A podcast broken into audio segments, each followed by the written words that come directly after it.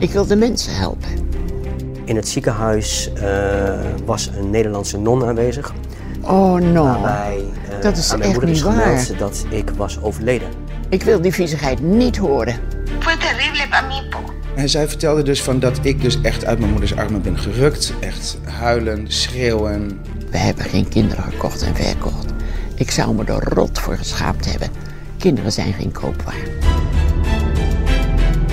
Van het eerste moment af aan had zuster Kuipers dus in haar hoofd... dit kind gaat naar Nederland. La cunita estaba vacía, no estaba la guagua.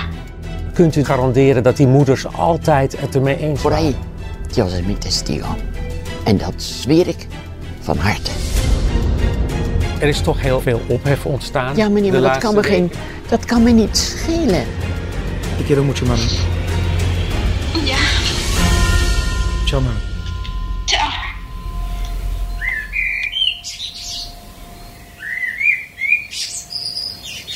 Ik word de laatste dagen steeds wakker van de vogels hier. Zo mooi. Maar ze doen me ook denken aan het telefoongesprek van Guido met zijn moeder Helena. Ja, daarin hoorde je ook de vogels en een blaffende hond. Kippen op het erf. Ja, ik vond het mooi, want het was net alsof we zelf in Chili waren. Ja, alleen de inhoud was natuurlijk eh, ja, verschrikkelijk. Verre van mooi. Ik begrijp het ook niet zo, want als in Chili de boel daar slecht geregeld zou zijn in de jaren zeventig, waarom werd dat dan niet ontdekt in Nederland? Eh, We zijn toch een land waarin alles dubbel gecheckt wordt? Ja, en het was ook nog eens een tijd waarin eh, nou ja, adopties best wel gebruikelijk waren. Ja, het was ponton om een kind uit het buitenland te adopteren. Dan deed je echt iets goeds. Ja. dat bedoel ik. Ja, Maar ik heb geen idee hoe dat dan geregeld werd en gecheckt werd in die tijd. nou ja, er is één deskundige en die weet echt alles over adoptie.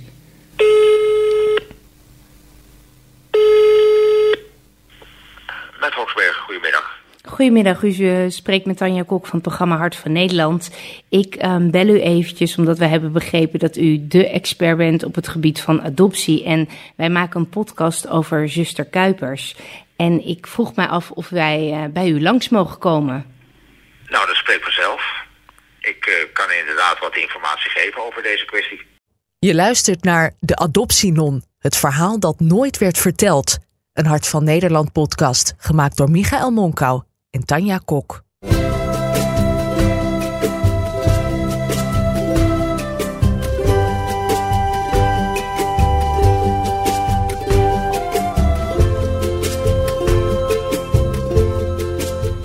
Kijk, eh, het jammere is dat toen zij bij ons kwam, Het leek wel alsof we een computer binnenliepen hè, op kamerformaat, die studiekamer van Hoksbergen. Overal lage boeken. Ja, maar echt overal. Dus de, op tafel eh, lagen allemaal stapels met van die gele post-it briefjes erop om, om, om aan te duiden waar het over ging. Op de stoelen lagen ook stapels boeken en papieren. We konden niet eens zitten. Maar voor hem was het heel georganiseerd. Hij wist precies waar wat lag. Hij vond het volgens mij zelfs een beetje moeilijk om het allemaal door, door de war te moeten gooien, hè, zodat we konden zitten. Er werd geklopt op de deur en mevrouw Hoksbergen kwam nog binnen met thee. En die had een mapje met wat krantenartikelen over de non. Ja, ze waren ongelooflijk goed op de hoogte. In de jaren 70 zat professor Hoksbergen in het bestuur van het bureau Interlandelijke Adoptie. Toen maakte hij voor het eerst kennis met zuster Gertrudis Kuipers.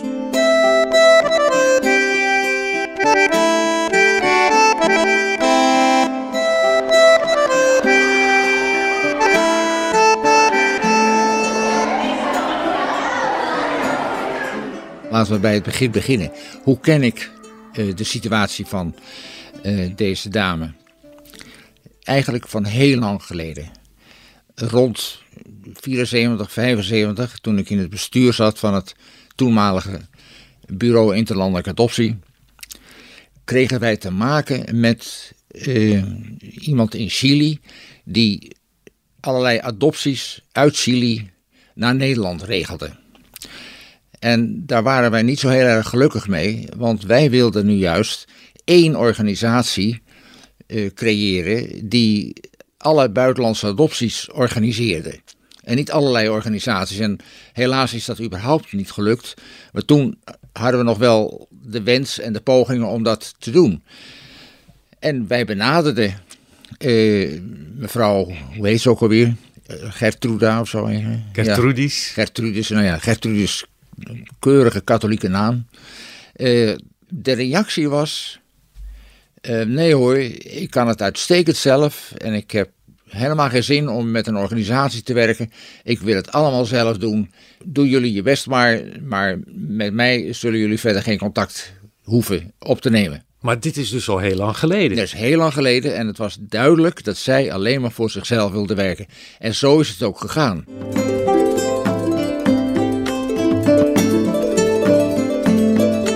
Ik herinner me nog wel dat wij gevoelens van enige achterdocht kregen van waarom is het nou nodig dat je dat zo alleen doet, terwijl anderen juist wel met een organisatie willen samenwerken, want dan heb je ook meer kracht.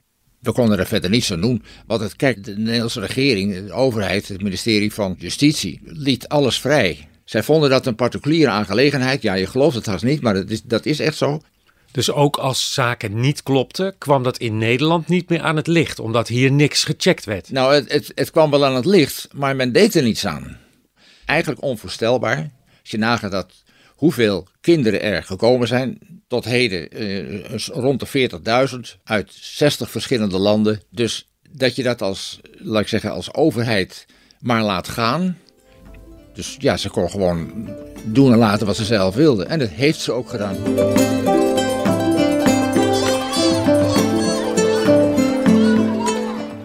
Onlangs ontdekte de uit Zuid-Korea geadopteerde Stefanie Kim per toeval dat de Nederlandse overheid nog decennia lang nalatig is gebleven.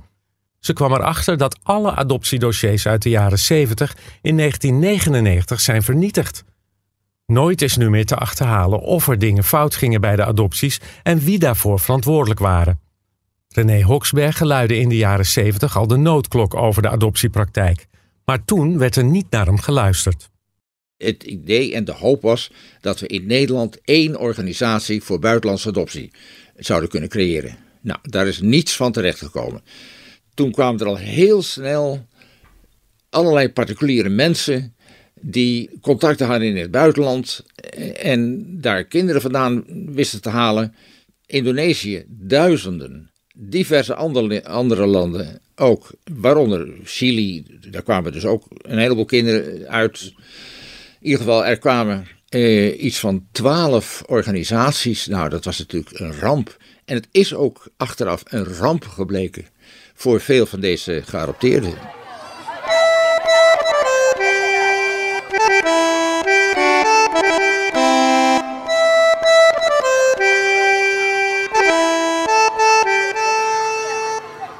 Zuster Kuipers deed dus alles op eigen houtje, met de hulp van haar zus. Veel kinderen die via haar naar ons land kwamen, kregen in hun puberteit vragen over hun afkomst. Vragen waarmee ze professor Hoksbergen confronteerde. Het meest essentiële wat voor de geadopteerde geldt is van wie ben ik afkomstig? Wie is mijn moeder? Wie is mijn vader? Wie is mijn familie? Wie zijn mijn broers en zusters? En hoe is het gegaan, de adoptie? De gegevens van, van de werkwijze, eh, geld en, en, tussenpersonen en, en eh, dossier. Klopt het dossier? Eh, ben ik wel zo oud als daar staat? En, en ga zo maar verder. Uit Chili afkomstige mensen benaderden mij met de klacht dat zij van deze non geen gegevens kregen. En dat deze non ook in feite hun niet kon of wilde helpen met gegevens over hun achtergrond. En in de gevallen dat ze het wel heeft gedaan, heeft ze soms volkomen verkeerde mensen als ouder aangewezen. Dus dat was een, ja, op zijn Amsterdamse zegt, het, het leek wel een beetje een rotzooitje. Jammer dat het zo is gegaan. Weer een aantal geadopteerden met frustraties. Onnodige frustraties. Heeft zij doelbewust informatie achtergehouden? Heeft ze gewoon slordig gewerkt? Was er opzet, denkt u? Ik kan niet oordelen of zij slordig heeft gewerkt. Dat weet ik gewoon niet. Daarvoor moet ik veel meer kennis hebben van het feitelijke kantoorwerk, zeg maar. Wel heb ik de indruk gekregen dat het een hele pittige dame was. Toen ik haar pal voor haar dood, eh, een paar dagen voor haar dood, uh, op de televisie zag en, en hoe zij sprak over haar werk en, en, en ook haar reacties op de kritiek die er was gekomen. Pittige dame. ja, Oh nee, dat is vies hoor. Zet alsjeblieft, dat, dat wil ik niet zien. Dat mag je wegdoen. Ik wil dat niet zien. Ik, ik wil die viezigheid niet horen. Dit is wel zo lelijk. Pittige dame. En zo zal zij in Chili ook wel zijn overgekomen van iemand die wel wist wat ze deed. En voor dat werk wat ze daar deed, eh, had ze ook wel een zekere dominantie nodig in zo'n land als Chili. En met al die verschillende situaties. En, en, en arme mensen en ook mensen die graag een kind afstaan. En, en arme mensen die niet het kind willen afstaan, maar gedwongen worden. Ze komt met allerlei verschillende situaties in aanraking. Dus ze moest ook stevig zijn. Dat was ook. Is het daarom ook heel moeilijk om erover te oordelen? Zeker. Je hoort mij ook niet definitief oordelen. Dat, dat kan ik niet doen. Maar dat ze wel met het BIA in de tijd in zee had moeten gaan, dat blijf ik zeggen. Dat is echt onverstandig van haar geweest. En daar heeft ze ellende door gekregen in latere jaren. Zelfs voor de televisie nog, dat ze, dat ze vervelende dingen moest pareren. Ik praat over mijn werk, snap je? Dus ik weet dat, dat andere weet ik niet eens. Nee, maar mijn werk is ook om proberen te achterhalen hoe het dan komt dat er zoveel mensen zijn die u daar wel van betichten. Die zeggen van ja, maar die mevrouw die heeft kinderen min of meer gestolen. Die heeft nou, dat is lastig. Dat moeders dus laster. Uh, gedwongen om, nee, om die kinderen dat is af laster, te staan. Dat noemen wij laster. Kwaad bedenken en je dan daarvan beschuldigen. En daar heb ik geen verdediging tegen. Dat was moeilijk voor zo'n oude dame van 89 jaar, die ook door nogal wat mensen op haar huid wordt gezeten. Dat was dan niet gebeurd. Want dan was de organisatie verantwoordelijk geweest. En dan waren sommige dingen misschien ook wel beter gegaan. Misschien, ik denk wel zeker. Hoe gaat het eigenlijk met u? Um, nou, rondom al dat geduvel met uh, het Hart van Brabant en uh, Omroep Zwart. Uitzending Zwart op Radio 1 van de radio. Het gaat wat, wat je noemt slecht met mij. Het werk, dacht ik, dat is af. Maar als ze nu het werk op een scheve manier gaan voorstellen wat wij gedaan hebben, dan word je daar niet vrolijk van.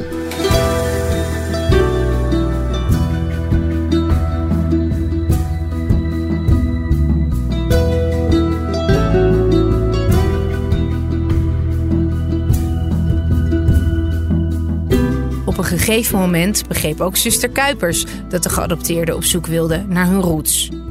En zuster Kuipers zou zuster Kuipers niet zijn als ze niet ook dat in eigen hand wilde houden. En daarom begon ze een soort reisbureautje. Ze bood volledig verzorgde pakketreizen aan waarbij moeder en kind elkaar konden ontmoeten.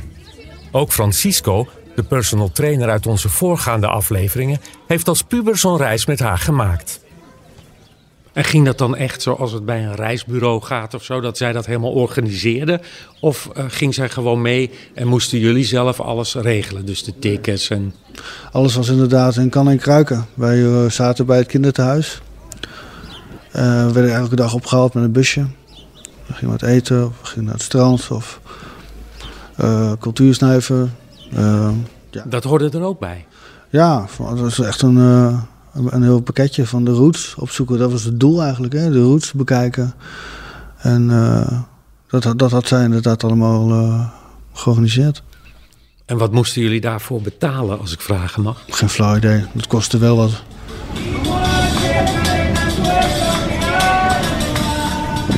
Zij is gaan zoeken met gegevens van toen die tijd naar mijn moeder in de stad Santiago. En uh, dat ging goed, want ze had mijn moeder gevonden. Ik heb haar toen twee keer mogen ontmoeten bij een kinderthuis. En we zijn toen een keer uit eten geweest. Alles werd zeg maar uh, georganiseerd door haar. En uh, we hebben toen nog wat rondgerezen. We zijn echt begeleid. Want ja, mijn moeder ging mee. Mijn, uh, mijn adoptiezus. Mijn, mijn zwager destijds. En we kregen toch wat extra begeleiding. Van haar kant uit. Want ja, mijn moeder die is... Mijn Nederlandse moeder is natuurlijk blank. Dus we moesten, uh, ja, we moesten ook een beetje oppassen waar we, zo, waar we heen gingen en zo. En uh, ja, dat ging wel goed eigenlijk. Ja. Hoe was het om je biologische moeder te ontmoeten? Ja, dat was wel even spannend. Maar ging heel goed. Ik werd echt met open armen ontvangen daar. ik heb ook andere verhalen dat mensen hè, misschien ter vondeling zijn gelegd of wat dan ook. Of erger zelfs. En uh, wat dat betreft had ik heel veel geluk. En konden jullie ook praten? Kon je met haar communiceren? Want ik weet niet, ik weet niet of je Spaans spreekt. Uh, nee, nee uh, helemaal niet. Die vertaalde voor ons. En ik had wel een cursusje gedaan. Maar dat, ik kan nu beter Spaans dan toen. Ik was 17. Bijna 18. En nee, dat Spaans dat ging niet goed. Nee, ik ben niet opgegroeid. Dus ik, ik wist niet beter. en um, ben je, ook wat meer, ben je ook wat wijzer geworden over hoe jouw adoptie in zijn werk is gegaan toen? Um, ja. Nou, uh, ik wist ongeveer hoe het ging. Dat is een heel traject van een paar jaar. En ook met uh, de ambassade, de rechten, wat mijn, ouders, wat mijn Nederlandse ouders er allemaal voor moesten doen. Veel papierwerk. ze werden min of meer, min of meer ook gescreend. Verschil tussen rijk en arm is enorm daar. En uh, ja, als je daar rondom, dan zijn de meeste vragen wel beantwoord eigenlijk. Waarom ik dan hier ben. Dat dat beter uh, is. Ook Jennifer, die zuster Kuipers nog altijd erg dankbaar is, reisde met haar naar Chili. Om eindelijk van nabij te zien waar ze vandaan komt. Hoe was dat om met haar in Chili te zijn? Ja, geweldig. Ja, ik ben hier natuurlijk opgegroeid in een dorpje uh, waar uh, ik een van de weinige meisjes was met zwart haar.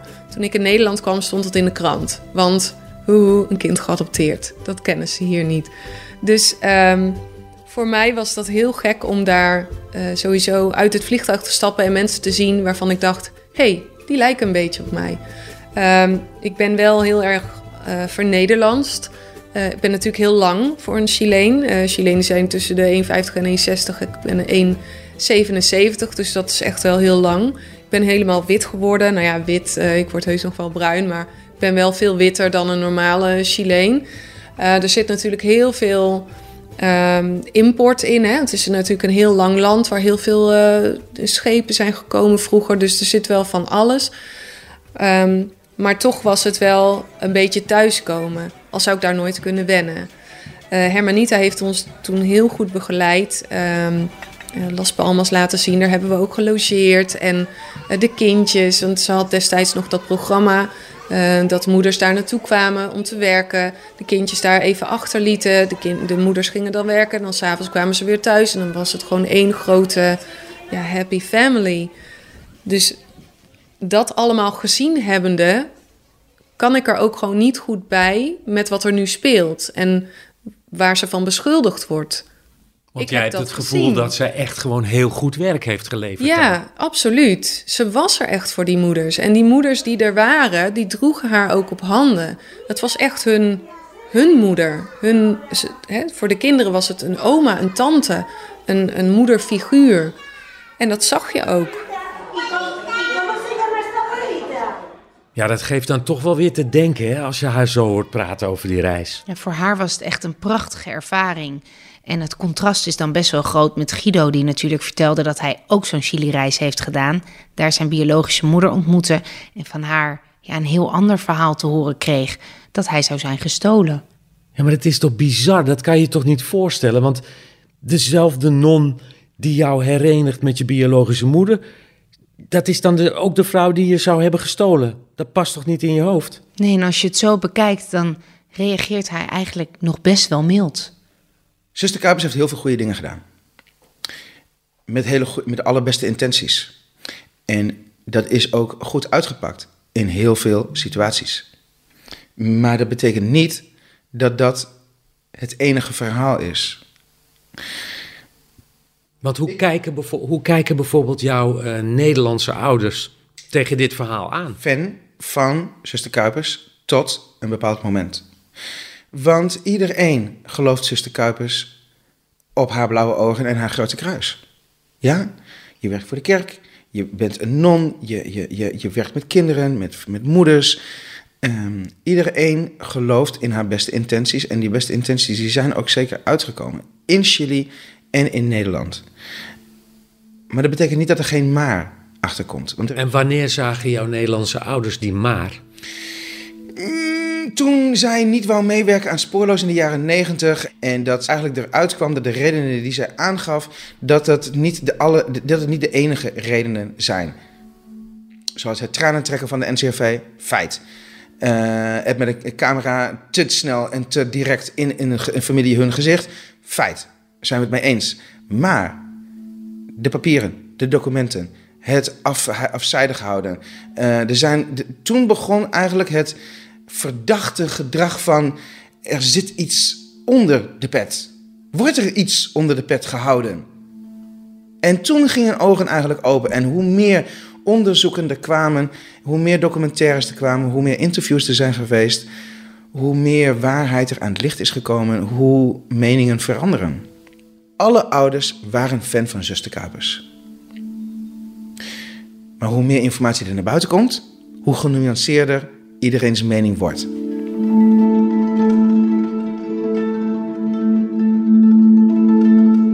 Mijn ouders hebben er dus echt zeven jaar over gedaan om uh, mij hier te krijgen. Ja, wat moest er allemaal gebeuren? Nou, je gaat uh, een traject in van de kinderbescherming. Uh, die komen kijken of dat je huis wel geschikt is, of dat je familie samenstelling wel geschikt is, of dat je een goede baan hebt, zodat je hè, je kind kan onderhouden ja, daar gaat, daar gaat zoveel uh, tijd en onderzoeken en aanvragen overheen. Ja. Ik kan me voorstellen dat het voor jou een heel raar gevoel is um, dat dit allemaal speelt rond Hermanita. Ja, is het ook. En daarom wil ik hier ook aan meewerken om, om het gewoon uh, ook de andere kant te laten zien. Ik geloof echt wel dat er mensen zijn die uh, um, een ander gevoel hebben over adoptie. Um, zelfs uh, mijn, ik heb een half zusje, of nou geen half zusje, ik heb een adoptief zusje die komt uit een ander land. Die heeft ook een heel ander verhaal meegemaakt. Um, maar ik wil ook mijn kant laten horen dat het ook goed kan. En dat er ook mensen zijn die uh, adoptiekinderen die wel hun moeder hebben gevonden of die wel bij het juiste gezin weer teruggevonden zijn, zeg maar. En wel hun echte familie hebben leren kennen. En daar ook baat bij hebben. Want soms vind je je echte familie, maar willen zij niks met jou te maken hebben. Of, en dat is bij mij niet het geval. En Hermanita heeft daar heel erg aan meegewerkt. Jennifer gelooft rotsvast in de goede bedoelingen van Hermanita, zuster Kuipers. Door haar leerde ze in Chili haar moeder kennen, met wie ze daarna een moeizame band opbouwde. Onlangs gebeurde er iets vreemds.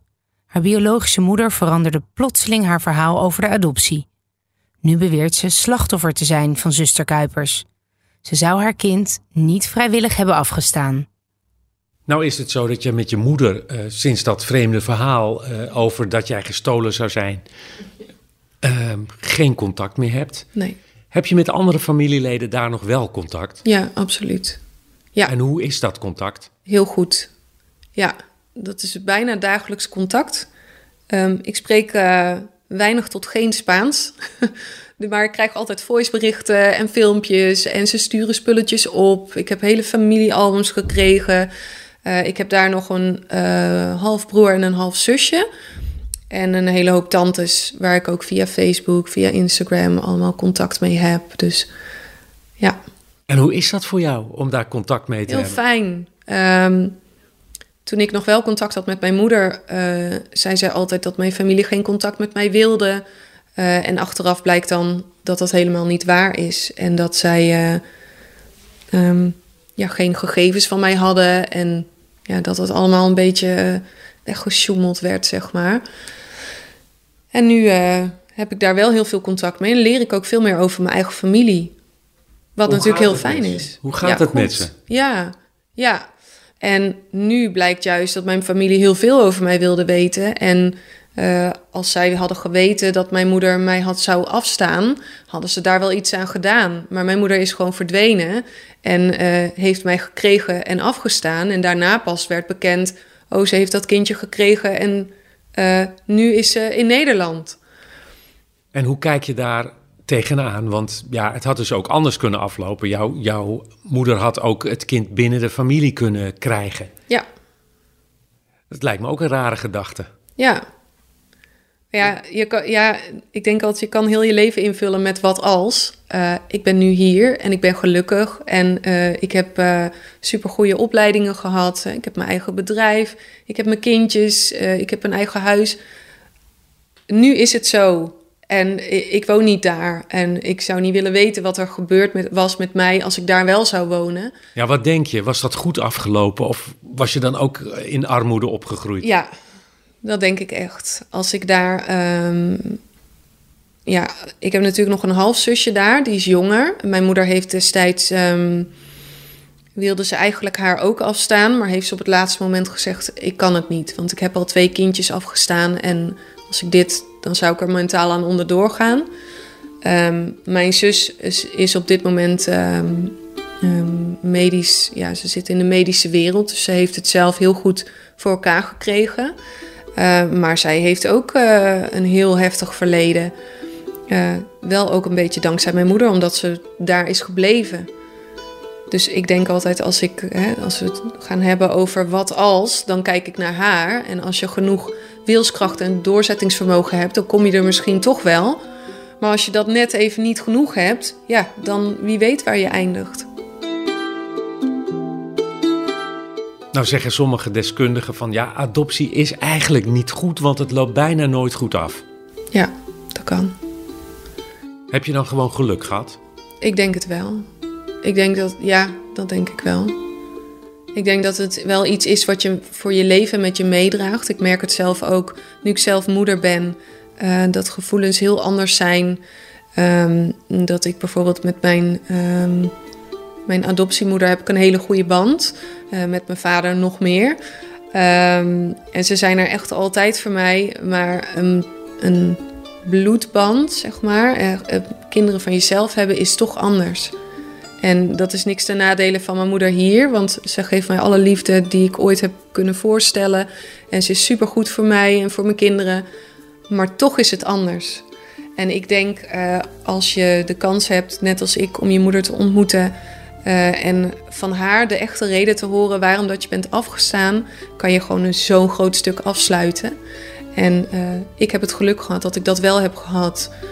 Mijn zusje hier bijvoorbeeld niet. Um, en ik zie wat dat met een mens doet. En ik geloof echt wel dat je daar je hele leven last van kan hebben. Dus heb ik geluk gehad? Ja, ik denk dat ik absoluut geluk heb. Mijn mening over adoptie is heel erg veranderd. Want um, hoe meer je weet en leert over adoptie, hoe ingewikkelder en lelijker het eigenlijk wordt. Hoe minder je weet, hoe mooier adoptie is.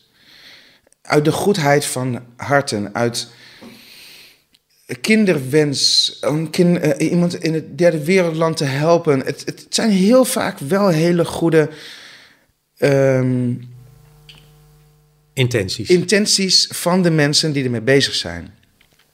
Maar er komt een hele grote financiële impuls bij, waardoor er in de praktijk onmenselijke praktijken voorkomen. Ik ben tegen internationale adoptie. Ik vind dat het, um, ondanks dat er heel veel uh, geadopteerden tussen aanhalingstekens goed zijn teruggekomen, zijn, uh, ik denk dat het ongeveer 50-50 is dat de andere helft toch heel erg veel heeft moeten struggelen en moeten zoeken naar een plekje vinden. Ik ben niet tegen op nationale adopties.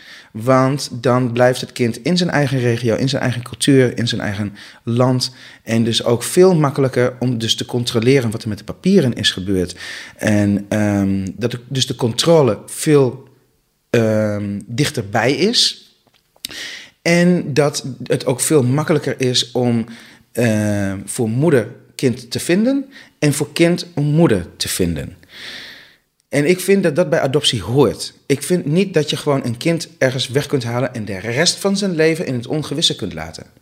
Je kunt een kind ergens weghalen, opvoeden en weer herenigen. Dat zou zeg maar voor mij de cirkel volledig rondmaken van adoptie. Maar in heel veel gevallen, met name in het geval van zuster Kuipers, zijn er gewoon heel veel aantoonbare zaken waarin kinderen als ze onder leugens zijn weggehaald, uit, uh, met kracht zijn weggehaald, waardoor de cirkel niet compleet wordt. En nooit kan en nooit zal worden. Dat moeders voor hun rest van hun leven op zoek blijven naar hun kind. Dat kinderen voor de rest van hun leven met vragen blijven zitten over hun adoptiefamilie. En daarom ben ik tegen internationale adopties. In de vijfde en laatste aflevering van De Adoptienon gaan we terug naar de man door wie onze zoektocht begon. Klokkenluider Alejandro Quesada. Met zijn stichting helpt hij andere Chileense geadopteerden. Wij hebben heel veel mensen kunnen helpen. Ja, ik denk dat wij toch wel op wekelijkse basis een family reunion hebben, zo noemen we dat. Dat we dus mensen connecteren met hun biologische familie. En we horen meer over de arrestatie van zuster Kuipers in 2019. En ik mocht het land Chile niet uit. Stom verbaasd. Maar bang. Voor waar, ben ik bang voor? Ik heb er niks te vrezen. De Adoptienon is een Hart van Nederland podcast, gemaakt door Michael Monkau en Tanja Kok. Productie Daniel Bom en Jeffrey Hogeboom. Online redactie Erik Morsink. Vormgeving Dominique Hoekstra en Femke Goudriaan. Eindredactie Irene Jansen. Met medewerking van Elin Stil. Wil je meer weten over de serie? Ga voor foto's en achtergrondinformatie naar hartvannederland.nl. En vergeet je niet te abonneren. Hart van Nederland heeft meer podcasts, zoals Vrouwenmoord over femicide en Bloedband, waarin familieleden van daders aan het woord komen.